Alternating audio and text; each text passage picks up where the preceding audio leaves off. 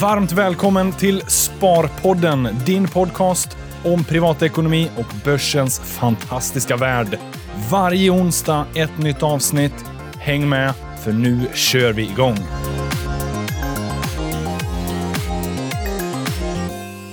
Välkomna! Sparpodden avsnitt 289. En härlig sommardag denna dag. Ja, fantastiskt. Äntligen. Ja. Eh, och än mer härlig, för du har varit hos regeringen igen. Ja, men jag har ju varit ute då på stan och Ja. eh, eh, eh, ja, nej, men jag släpper ju då inte så lätt den här frågan om flytträtt. Nej. Eh, så den, Det hedrar dig. Du ska fortsätta men, att kämpa för det här. Ja, men tack. Jag tycker att det är viktigt. Eh, det gör mig upprörd eh, av flera anledningar. Vi, vi har pratat om det här Ja. flera gånger i Sparpodden. Eh, det är ju så att regeringen vill att den här flytträtten ska bli mer effektiv, Mm. som man säger. Så att eh, eh, de stora pensionsjättarna ska inte få ta ut eh, så stora så höga avgifter Mm. när man vill flytta. Och så säger man, nu sätter vi ner foten, nu lämnar vi in ett förslag som gör att det här kommer bli mycket bättre. Och det förslaget är bara, man har vit sig totalt för branschen. Så det är liksom inte ett, det, det är inte ett vettigt förslag. Man hade en god grundtanke, Ja. men det föll någonstans Någonstans längs den här remissrundan, när branschen spänner musklerna och säger sitt, så faller den här goda intentionen. Och det här tycker inte vi är bra ju. Eh, vi tycker att det blir mycket enklare om man bara säger men en flytt kostar 500 spänn. Ja. Det är Inte väldigt tydligt. Det är väldigt tydligt, för det som är problemet för många när man ska flytta, det är att man inte vet vad det kostar. Ja. Alltså man får inte reda på vad det kostar. Det är krångligt att att, eh, få reda på det. Så att, eh, det hade ju varit, det är ju effektivt på riktigt. Mm. Men eh, det har man ju, då skulle väl eh, eh, ja, branschen sparka bakut kanske. Så dit har man ju inte vågat gå. Mm. Men vi tycker inte att det här är någonting som spararna ska drabbas av. Utan vi tycker att om man ska göra det här på riktigt, då ska man ju utgå från spararnas perspektiv, inte Ja. branschens.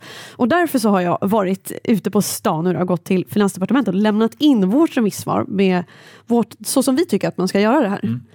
Ehm, Och, och du, du har ju presenterat tidigare avsnitt här och, och då kallar vi den för 502 eh, dieten, eller exakt, metoden. fast jag döpte det inte till det Nej, okej. i remissvaret.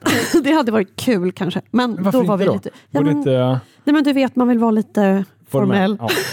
Men absolut, det är det det handlar om. Det är att vi tycker att det ska kosta max 500 kronor Ja. och det ska inte ta mer än två månader. Men sen är det lite annat också. Fortfarande så behöver, om du vill flytta en gammal pensionsförsäkring så måste du fortfarande ha din gamla arbetsgivares underskrift. Och bara där är det många som säger, jaha, men jag kanske inte har någon bra relation med min Nej, arbetsgivare som jag hade för tio år sedan. finns en anledning att man gick därifrån kanske. Exakt, och det är liksom bara, de, de kanske lagt ner, kanske gått i konkurs. Man bara, bara där så struntar många i det, tror jag. Så det är liksom helt onödigt. En sån grej borde tas bort. Och sen så tycker vi att det ska vara nu är ju den här lagstadgade flytträtten, den gäller ju för försäkringar tecknade efter 1 juli 2007. Mm. Helt onödigt. Varför ska det inte gälla på allt kapital, Ja. även äldre försäkringar? Så det tycker vi också i det här. Eh, Mm. Det finns ingen anledning. Varför, det är helt godtyckligt. Varför just 1 juli 2007? Ta allt kapital. Lås upp det här nu. Det skulle ju vara om man är på spararnas sida. Eh, Det skulle det verkligen vara, men det finns väl en anledning, vill jag minnas. Det var väl då man gjorde eh, liksom, tidigare regler och luckrade upp det lite. Och det, var där, det, jag menar, det finns en anledning varför det är just Mm. första juli 2007. Ja, ja, ja, ja, ja, det finns det en anledning till. Men om du tänker rent utifrån perspektivet. Nej, exakt. Var, varför? varför? Ja, det är ju Exakt. bara för branschens skull. Och nu är vi 12 år senare och det har fortfarande inte blivit. Liksom, för allting. Så då är det bättre att bara nu. För jag tänkte, jag tror, vill minnas att det var ändå det som var ambitionen. att så här, Nu börjar vi göra fri flytträtt Mm. på alla nyteckningar Exakt. och sen förhoppningsvis down the line så ska vi göra det på även allt historiskt. Men de har Mm. Ja, fortfarande inte nått Men dit. dit har de inte nått. Och, Så nu ehm, sätter du ner foten. Ja, som vi tycker att Per Bolund då inte gjorde. Nej. Vilket han sa sig göra med det här. Och eh, nej, jag tycker det, det var inte ens en tåfjutt. nej, men det, det, det är helt bristfälligt, helt otillräckligt. Jag tycker liksom det, här, det här kan man göra mycket bättre. Om man nu säger sig vilja göra det effektivt. Mm. Vilket är det regeringen säger att man vill. Ja. Men då ska man göra så som vi tycker. Exakt. Men nu, du har lämnat in ett formellt remissvar. Exakt. Ja. Så det här, nu, nu får vi se om det är någon sekreterare som kommer att svara på det här. Eller? Ja, jag, förvänt, jag, jag tycker att det vore trevligt om Per Bolund kunde ringa Ja. oss och säga vi kör Ja. på det här. Men det får vi se. Får vi väl se. Jag bara, ja, Ja, det här är ja, tokrimligt. Spot on, vi kör. Nej, vi, vi, det vet vi inte. Men Nej. det gäller, vi tänker fortsätta slåss för det här. Det, Ja. det är helt otillräckligt. Man måste ju visa med alla medel. Ett är att vi, vi är ute och pratar om det här mycket, vi uppmärksammar det, vi pratar Mm. om det i Sparpodden.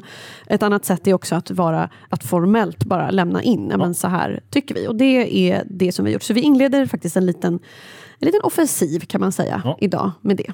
Och det är väl jättebra. Mm. Eh, och varför vi tjatar om det här, för en del lyssnare nu som har hört det några gånger kan ju tycka, "Ja, men så här, varför tjatar ni om det? Ja, Jo, men det, är för det bara.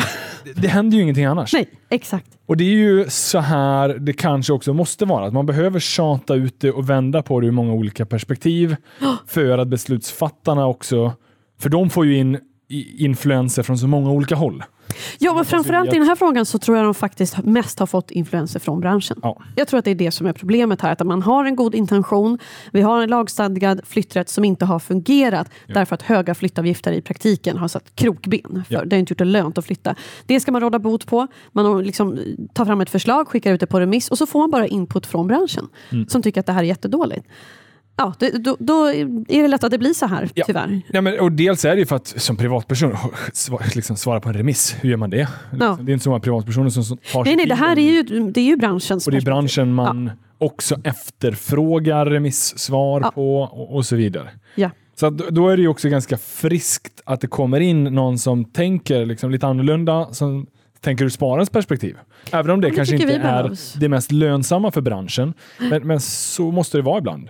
Ja, vi tycker ändå inte att det är rimligt. För Nej. ska, ska man göra det här på riktigt, någonstans så stör en också när man säger sig göra någonting som ger, gör det här effektivt och man sätter ner foten och det är för spararna. Det, det är inte ärligt. Det är Nej. inte ärligt när man säger att man, att man gör det och sen så har man vikt sig för branschen. Det är, nej, det är inte snyggt. Så att, eh, Men det kan inte vara ett steg på rätt väg då? ja, men varför inte ta liksom Hela de här, hela klivet? Alltså varför gör det, det här är bara det blir ett spel för gallerierna någonstans tycker jag. Att det här är liksom, det, det är helt eh, otillräckligt. Så att, eh, nej. ehm, Politik är väldigt mycket va, spel för gallerierna. ja men det är Då det. blir man men, frustrerad över det. Och det är Ja. därför man då också tar till sina egna medel för att försöka påverka. ja men så är det. Men jag tycker ju att det här, det här, det som ligger lite i den här frågan i fatet är att det inte är en politiskt het fråga. Nej, Det är inte liksom, den kan inte vara, det, det, partierna har inte jättestarka åsikter i den här frågan så det blir liksom ingen diskussion kring den utan det blir liksom det här branschperspektivet hela tiden. exakt. Alla Eh. kan väl egentligen tänka sig typ att ja, men det är klart det ska vara bra för privatpersoner. Ja, men precis, men det är, liksom ingen, det, det är ingen ingen som vill säga så nej det tycker inte vi, det Nej. är det ingen som vill säga. Eh, utan det här, det, det är ingen stor stridsfråga, men vi tänker ju att, för nu går det här förslaget till riksdagen. Mm. Det är det som har hänt nu, för att lagrådet har godkänt det här och säger okej, det här var bra, tyckte de. Eh, så nu kommer det här beredas och så kommer det röstas om det i riksdagen. Och vi tänker ju försöka stoppa det, helt enkelt. Mm. Ja. Eh, med de medel som vi har, vilket är egentligen att tjata om det och försöka uppmärksamma varför det inte är något bra. Och vi hoppas ju att det här får liksom eh, svallvågseffekter. Ja. Jag vet, det kanske lite riksdagsledamöter eh, ledamöter som lyssnar Ja, men det, på det det, här. det är det vi hoppas. som du känner där som lyssnare som kanske kan vara med Mm. och påverka och vara med och bygga opinion. Exakt, som vill ta spararens perspektiv på riktigt. Jag tycker ju att här ligger ju dörren vidöppen för politiker Ja. som faktiskt vill eh, ställa sig på spararnas sida. Ja. Ehm, mm, vi får se, vi fortsätter att kämpa. Men eh, var du också inne på någonting huruvida specificera vad är det för typ av försäkringar det gäller? För det har ju också varit Ja. oklart. Precis, så det är bra att du säger det. Det, det är, ju- är vi ju väldigt... Eh, så här, Ja. utgångspunkten hos oss på Nordnet är ju att vi tycker att det ska vara fri flytträtt. Ja. Eh, och det ska även gälla, det ska gälla fondförsäkringar och det ska gälla traddliv. Men vi har respekt för att traddliv är lite mer komplicerat. Ja. Eh, därför att de kvarvarande spararna drabbas på ett annat sätt. Mm. Fondförsäkring är så mycket enklare, så för att inte den här komplexiteten i traddliv ska liksom spilla över på vad man kan göra inom fondförsäkringen, Ja. Så tänker vi så här, ja, men vi tar fondförsäkringen nu Ja. i, ett första steg. På sikt så tycker vi att man måste kunna göra någonting åt Ja. eh, ja, kostnaden för att flytta traddliv också. Men, men det det är finns klart. ingenting som säger att man inte kan göra det här liksom, för fondförsäkring. Så, Nej. ja. Ja, men att få till en vinst bara skulle ju vara otroligt eh, en, en milstolpe i sig. Mm. Ja, men precis. sänder ett signalvärde. Eh, och fondförsäkringar, ja men det är klart, där har man ju själv mer kontroll som in- individ och sparare. Ja, risken ligger hos dig. Liksom. Du, du, eh, det som kan hända i traddliv då exempelvis är att eh, om man måste vara, om pensionsbolaget det är ju en gemensam stor pensionspåse. Eh, och om pensionsbolaget måste vara beredda på att nu vill jättemånga flytta, då kanske man måste ha en stor del likvid som man Ja. inte kan investera. Eh, och det vet ju alla att det är klart att det är bättre för kvarvarande sparare om den delen ligger investerad någonstans och genererar avkastning istället för att den är likvid. Eh, det är ju ett sånt exempel då Ja. på att det kan påverka negativt. Så, så det uppkommer liksom kostnader som det blir ett frågetecken, så här, vem ska bära dem?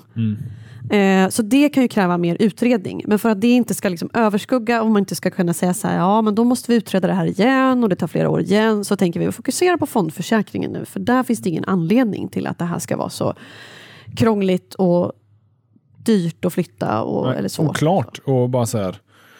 Nej, eh, så nu, nu vill vi ha tydliga svar. Ja. Enkelt, jag ska veta vad förutsättningarna är och jag Ja. ska veta vad det ska kosta mig. Framförallt precis det sistnämnda. Det är för det vet framtida jag- löner. Ja, Det om. precis, precis. Det är inte, alltså våra pensioner är ju inte till för branschen. Nej, min pension är till för mig. Så tänker jag. Exakt. så tänker alla, Ja. antar jag. Så därför är det här viktigt. Fast jag förstår att många kan vara lite trötta. Det har varit en het, alltså den har ju levt länge, frågan Ja. om flytträtt. Men, men eh, att man ständigt hittar energin i den här frågan är just för att det är faktiskt upprörande att Mm. I den här diskussionen så är det branschens perspektiv hela tiden. Det, de har betalat till provisioner, det måste tas igen. Ja. Alltså, det är så hela tiden, men det är ju våra pensioner, det är våra pengar. Pengar som vi har sparat. Men av nyfikenhet, den här branschen som är fienden i fråga. Ja. Va, va, vad menar du när du säger branschen? Framförallt de stora pensionsbolagen. Ja. Det är, de, det är de som har väldigt mycket kapital, Ja. väldigt mycket inflytande eh, och, och med därmed då liksom påverkar ju hur det ska se ut. Ja, för så för transparensens skull så, så det är klart att det är så att Nordnet, Ja. som vi jobbar på, skulle ju kanske gynnas av att det här blev friare. Så det kan vi väl vara öppna med. Men, men eh, framförallt så är det ju bara, det, det är ju, Men det är ju en intressant fråga, för det är ju, skulle gynna Nordnet för att det är affärsmodellen som Nordnet har en gång valt. Samma Mm. Ja. som den affärsmodellen som branschen eller de stora pensionsbolagen Mm. Också har. Så att det är inte så här, det är inte individerna bakom nödvändigtvis som är elaka, utan det är affärsmodellen. Det är Ja, den man bryr precis sig så. om. Ja. Och den behöver ju ibland få en lag till att förändra ja, hur, det är hur helt det ska liksom funka. Ja, helt rätt. För att affärsmodellen ska utgå ifrån det perspektivet som skapar så mycket ekonomisk nytta som möjligt. Då gynnar det samhället, det gynnar Mm. Ja. företagen, det gynnar individen. Så precis, så de här affärsmodellerna kan ju behöva moderniseras. För det är ju i princip den enda branschen tror jag där, där spararen är i sånt underläge gentemot liksom, Mm. pensionsbolaget. När man har låst kapital. så jag vet inte, vilken annan bransch är det okej? Jag vill flytta ett mobilabonnemang, som bara säger nej. Nej, det är låst fram till 65 års ålder. Ja. Det är liksom- skulle vara, skulle vara Vart, vart accepterar vi det någonstans? Eh, Ja, det är sant. Det är ju typ pension när man gör det. Men det finns ju en naturlig anledning också, i och med att det är... Ja, pensioner är långsiktiga och, och som, så, så är det ju. Men samtidigt som saker kan hända i mitt liv som gör att jag verkligen behöver placera det här på ett annat sätt. Jag kanske inte ska ha exempelvis då min pension i traddliv till en ganska hög eh, ha avgift eller vad det nu kan vara. Eh, ja, men det är ju mina pengar fortfarande. Ja. Men samtidigt så vet man ju att argumentet historiskt sett har ju varit okej, folk har inte full koll på sin pension, Ja. så därför gör vi spararna en tjänst genom att låsa in dem. Mm. Och så ser vi till att de får så goda villkor som möjligt. Haken är ju bara att man kan inte säkerställa att det har varit så goda villkor. Nej, och sen, jag menar flytträtt, ingenting med en, en eh, effektiv flytträtt säger att vi ska tvinga folk att flytta. Nej, nej. Eh, Men det är bara utan att man har valmöjlighet. man har valmöjligheten och vill man göra det så, så ska det inte hindras av höga avgifter eller att man försöker liksom, pensionsbolagen försöker försena eller krångla till Nej. processen på något sätt. Det om något kommer ju effektivisera pensionskapitalets Mm. avkastning. För att nu blir det konkurrens, nu blir, man mer mån som pensionsbolag och verkligen slåss för sina kunder. Ja men precis, eh, eh, det, det är ju det man vill få till lite grann. Eh, att, att, man verkligen, att det här ska bli liksom konkurrensutsatt på riktigt. Ja. Det vet vi ju alla, det är konkurrens, det gör ju i, oftast att villkoren blir bättre. Ja. Så att, Eh, eh, Oftast. Man kan inte säga alltid, men, men, Nej, men men generellt men så- generellt så, så är det en Ja. sån mekanism som, eh, som leder till, till bättre villkor och mer eh, effektivitet. Så att Japp. Det här eh, hoppas vi ju att eh, Per Bolund eh, gillar då, vårt förslag. Mm. Vi, eh, vi får se vad Per Bolund och eh, vad övriga där tar emot det här och tycker till och Mm. eh, eventuellt svarar. Ja. Eh, och om inte annat så kommer vi fortsätta att skrika om det. Ja, men det kommer vi. Eh, några av er kommer ledsna på den här diskussionen, men eh, det här är nödvändigt. Det här är supernödvändigt. Och, och hjälp oss jättegärna att skrika. Ja, Eh, Mm. precis. för om, ju mer ni hjälper oss att skrika, ju mindre behöver vi skrika. Exakt, då slipper ni höra våra röster hela tiden. Ja, men, men det är, eh, jag, jag vet ju att Sparpodden-lyssnarna tycker att det här också är lika viktigt, för man vill ha makten själv. Ja, Eh, sen är det ju tyvärr inte alla som är lika, som inte, kanske inte vill ha makten lika mycket själv, Mm. men ingen skulle ju åtminstone missgynnas av att ha möjligheten att ha makten. Om man nej, precis. En viktig sak som vi ska säga, det här gäller ju då inte kollektivavtalade tjänstepensioner. Utan, eh, för där är det ju, kapitel i sig.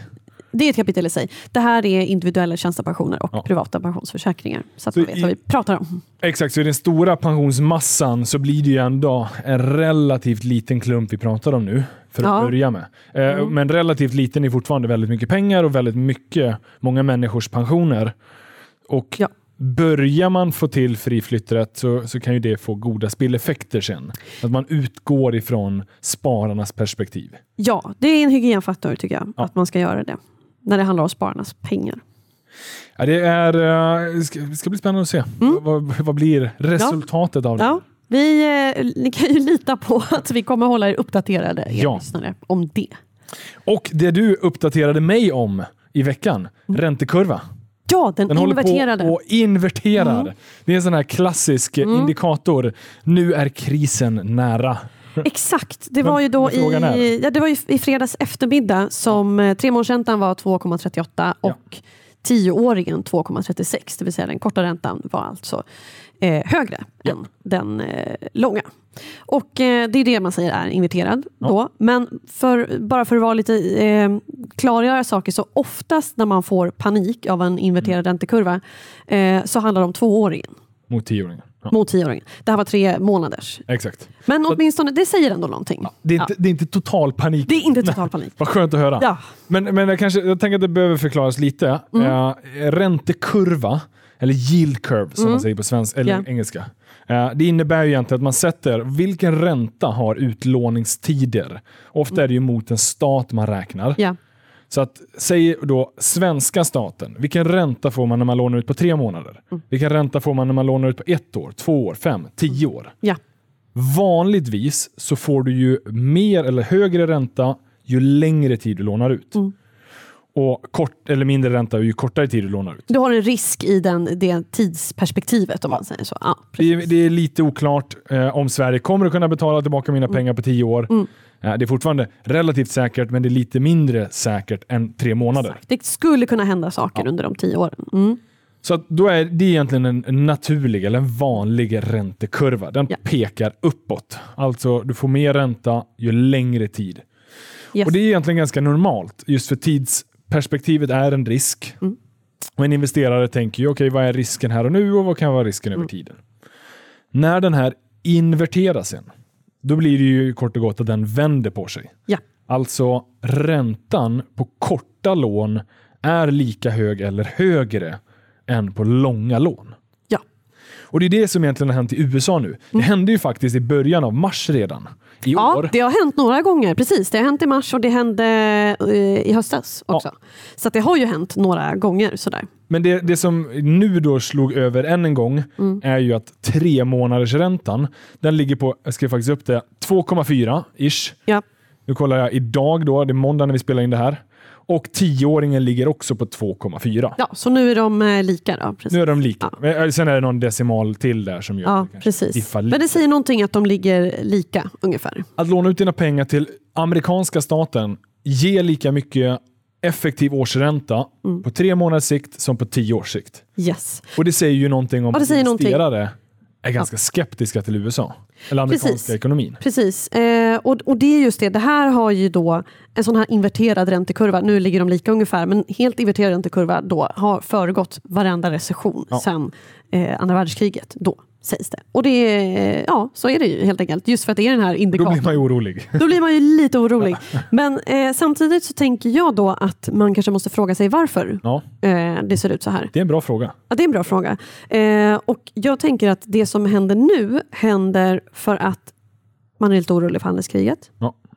Eh, så det har kommit en ny oro och hur det eventuellt skulle slå mot tillväxten i USA. Mm, just det. Eh, om det slår mot tillväxten i USA så ökar ju sannolikheten för att den amerikanska centralbanken kommer behöva ta till en räntesänkning. Ja.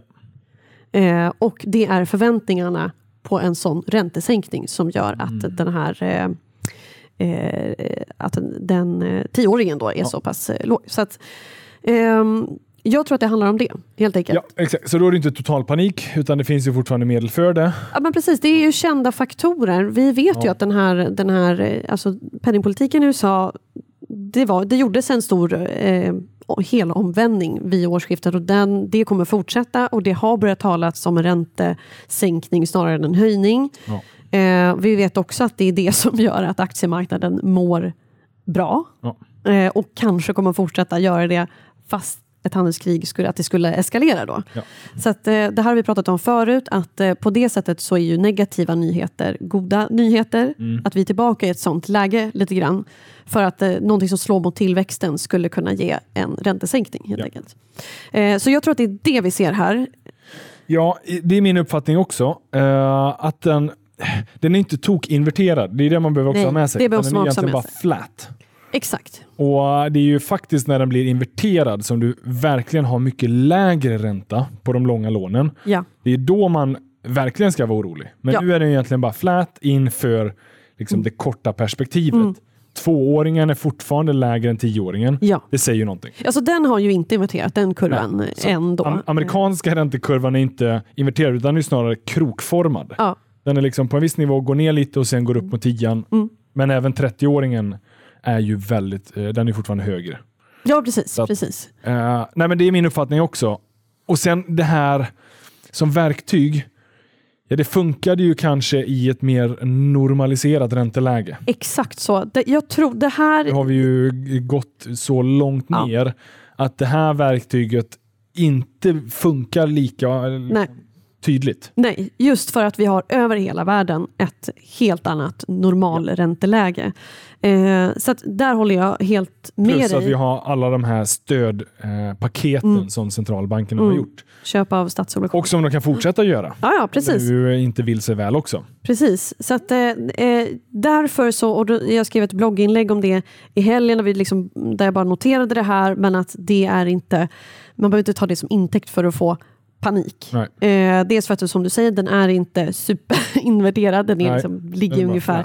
Men det, som investerare så tänker jag ändå att så här, det är ju intressant att hålla koll på. Just eftersom det historiskt sett ändå har varit en, en varningssignal. Men det man ska säga också, det är ju att eh, jag tror att det har tagit, om det är någon så här i snitt 17 månader från det att räntekurvan har inverterat till dess att recessionen har kommit. Ja. Och under den tiden så har börsen gått ganska bra. Så att, eh, ehm, Den är Ja. ju lite förutseende då. Ja. Jag tror att det var 2005 eller något sånt som den började eh, liksom plana ut. Mm. Och sen så vet vi att det var ju typ 2007 eh, som det sen började vända neråt. Mm. Så att ja, den, den är ju något fördröjd. Eller något förutseende, så Mm. får man väl kanske se på det. Om det nu funkar. Men, eh, men jag tycker att man ändå som investerare ska ha med sig att det här börjat plana ut. Mm. Det finns inte samma eh, liksom entusiasm för framtiden. Nej, precis som du säger, så det, det här säger någonting om förtroendet för amerikansk ekonomi. Så är det ju. Japp. Och amerikansk ekonomi är som vi alla vet eh, Den är driv- stor, ja, stor och viktig. stor och viktig. Eh, drivkraften, ja, det är... Ja. Så det här är värt att hålla koll på. Så kan vi väl ändå... Det är det. säga. Och, och jag tog faktiskt ut och kikade på tre år tillbaka hur räntekurvan såg ut versus just nu. Och då är det väldigt tydligt att den har ju börjat plana ut. Ja. Eh, De långa lånen är ungefär samma, men det är de här korta som nu har börjat liksom Mm. närma sig. Yes. Men nu pratar vi USA. Kollar vi Sverige så ser man inte alls tendenser till det här. Mm. Vilket eh, är ju intressant att det inte ens börjar märkas. Där är det en väldigt tydlig Mm. räntekurva. Mm. Sen är ju svensk, svenska obligationer, de är på negativa. Ja. Vilket är ju bara i sig då, säger ju någonting om räntekurvans Exakt. minskade relevans. Det säger ju no precis det, om det som vi diskuterade tidigare. Mm. Svenska tioåringen ligger på en halv, nej den ligger inte ens på en halv procent. Den ligger på 0,05. 0,05 ja. Mm. Medan eh, tvååringen ligger ju på negativ 0,60. ja. Och, och, så att, nej, den blir ju väldigt konstig då. Det blir väldigt konstigt och det säger kanske mer om bara eh, vilket eh, eh, ja, onormalt läge eller kanske eh, det nya normala. Ja, ja, det är svårt att veta egentligen med den här. Det är en väldigt stark debatt nu om Riksbanken och kronan. har ju varit hela veckan egentligen. Ja, Ehm, veckan, året. Veckan, Sen- året. Intensifierats tycker jag ändå någonstans. Det var eh, varit utfrågningar av Stefan Ingves och lite sånt där. Men, Mm. men det är mycket diskussion nu kring, eh, kring eh, minusräntan Ja. och kronan Det ska bli intressant att bara se tillbaka om 10-15 år. Se vart vi har landat och se de här resonemangen som vi förde nu. Mm. En del av dem kommer vara helt bara förkastade. Man kommer tänka så här, ah, fan tänkte vi det? Ja, men, och Det är det, svårt det är att se intressant. dem här och nu. Eller ja, Ja. jag kan ha en åsikt om att negativ ränta är väldigt konstigt. Ja. Mm. Och det är klart att det försvagar vår krona och att det där får svallvågseffekter som också är negativa. Men, Precis, nej, men jag tycker det är intressant och, och för det är ju så att vi kommer ju behöva omvärdera, tror jag, vad som är en normal ränta. Ja. Eh, så som den ser ut nu, så Riksbankens egen syn på normal ränta, om man tar liksom mittpunkten i det intervallet, då är det 3,25. ja. Och det, är ju känns ju... normalt. Det, Vad sa du? ja, det är rätt högt. Ja, det, det är ju väl, var ju normalt i en annan tid Ja, kanske. Ja, exakt. Det, är ju, det där eh, finns ju kanske anledning att omvärdera. Ja. Så att eh, det är ju... Eh, Ja, genomsnittet de senaste tio åren kan ju inte ligga där. nej, det vore intressant att titta på. Det, det lär det inte jag. Nej. nej. Och i genomsnittet de senaste två, tre åren ligger absolut inte. Ja, absolut inte. Nej. Så det där kommer man ju behöva säkert ta ner, vad Ja. som är Ja. en, en, en normal nivå. Men samtidigt, det är så långa, långa, långa liksom, eh, processer och de har sådana stora penseldragsfunktioner. Mm. Så att man kanske också ska vara lite försiktig för att bara tokrevidera. Gammal, Absolut, liksom. absolut. Så, men, men det finns en sån diskussion i Ja. alla fall. Ja. En annan sak det har varit diskussion om, Alex, är ju bitcoin. Bitcoin, Ja. detta fantastiska fenomen. Ja, som vi pratade lite om förra veckan. Vi pratade om det förra Ja. veckan och det berör alltid. Det berör, det, dels så är min uppfattning att det berör för att det finns två ganska så starka läger. Det finns de här enormt teknikoptimistiska, entusiastiska som tycker att det här är väldigt häftigt. Mm. Eh, och sen finns det ju de som kanske ser väldigt skeptiskt på det här. Men kan man inte vara både och tänker jag? För det jag håller med, så jag, jag tycker att det är jättehäftigt allt med blockkedjeteknik. Men Absolut. jag kanske är skeptisk till bitcoin som investering. Ja, jag är också i det lägret att jag ser du, det här bara ur ett investeringsperspektiv. Ja. Eh, Jag eh, har begränsat koll på tekniken bakom. Man har ju ändå fått sig en uppfattning och det, det pratas ändå så friskt om det. Och man behöver inte kunna liksom, detaljprotokollen för att förstå potentialen bakom blockkedja. Eh, För det är det som de flesta anammar. Men varför man ur ett investeringsperspektiv kan vara lite orolig. Dels så är det ju Ja, men, eh, så här, Bitcoin kommer ju ifrån att man vill förändra eh, och, och, och liksom tänka om banksystem och så vidare. Men det är ju inte som att stora multinationella företag bara kommer lägga sig platt och Nej. acceptera en ny liksom, världsvaluta. Men det är någonstans, det är lite liksom, det anarkistiska i Ja. det här. Att det är lite aktivist, det är lite, Ja. att vi, vi vill gå utanför systemen lite grann. Och, och runda de elaka stora bankerna. Liksom. Ja. Men, men eh, stora multinationella företag de har all incitament att själva anamma tekniken om den nu är så verklig och duktig och, och fungerande. Jag menar Microsoft eller Google eller Apple. Nasdaq jobbar jättemycket Nasdaq jobbar med blockkedjeteknik. Ja, just det. Eh, sen så kan man ju hävda att det blir inte riktigt samma funktion när den är styrd av ett bolag. Men om det nu är så bra så kommer de ha incitament att i alla fall använda det. Mm. Men även också det som är ganska ironiskt är ju att Bitcoin, eller blockkedjan i Bitcoin har ju vissa teknikbegränsningar.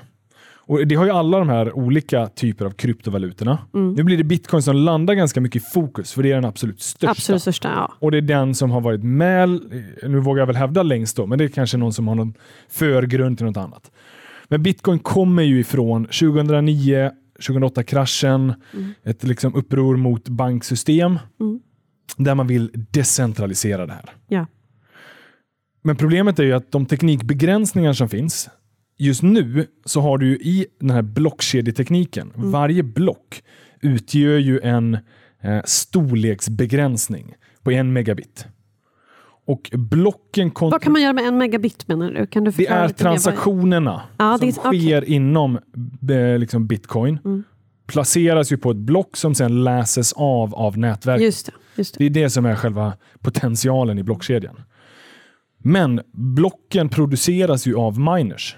Mm. Miners som har ett ekonomiskt incitament att ha hög datorkapacitet för att producera de här blocken, för Mm. att då får de nya bitcoins. Vilka är de här minersen? Vilka, vilka, vad är det för några? Ofta är det ju, det har ju funnits svenska Ja. bolag. Mm. Uppe i norr där det var kallt, där kunde man ha datorserverhallar. Mm.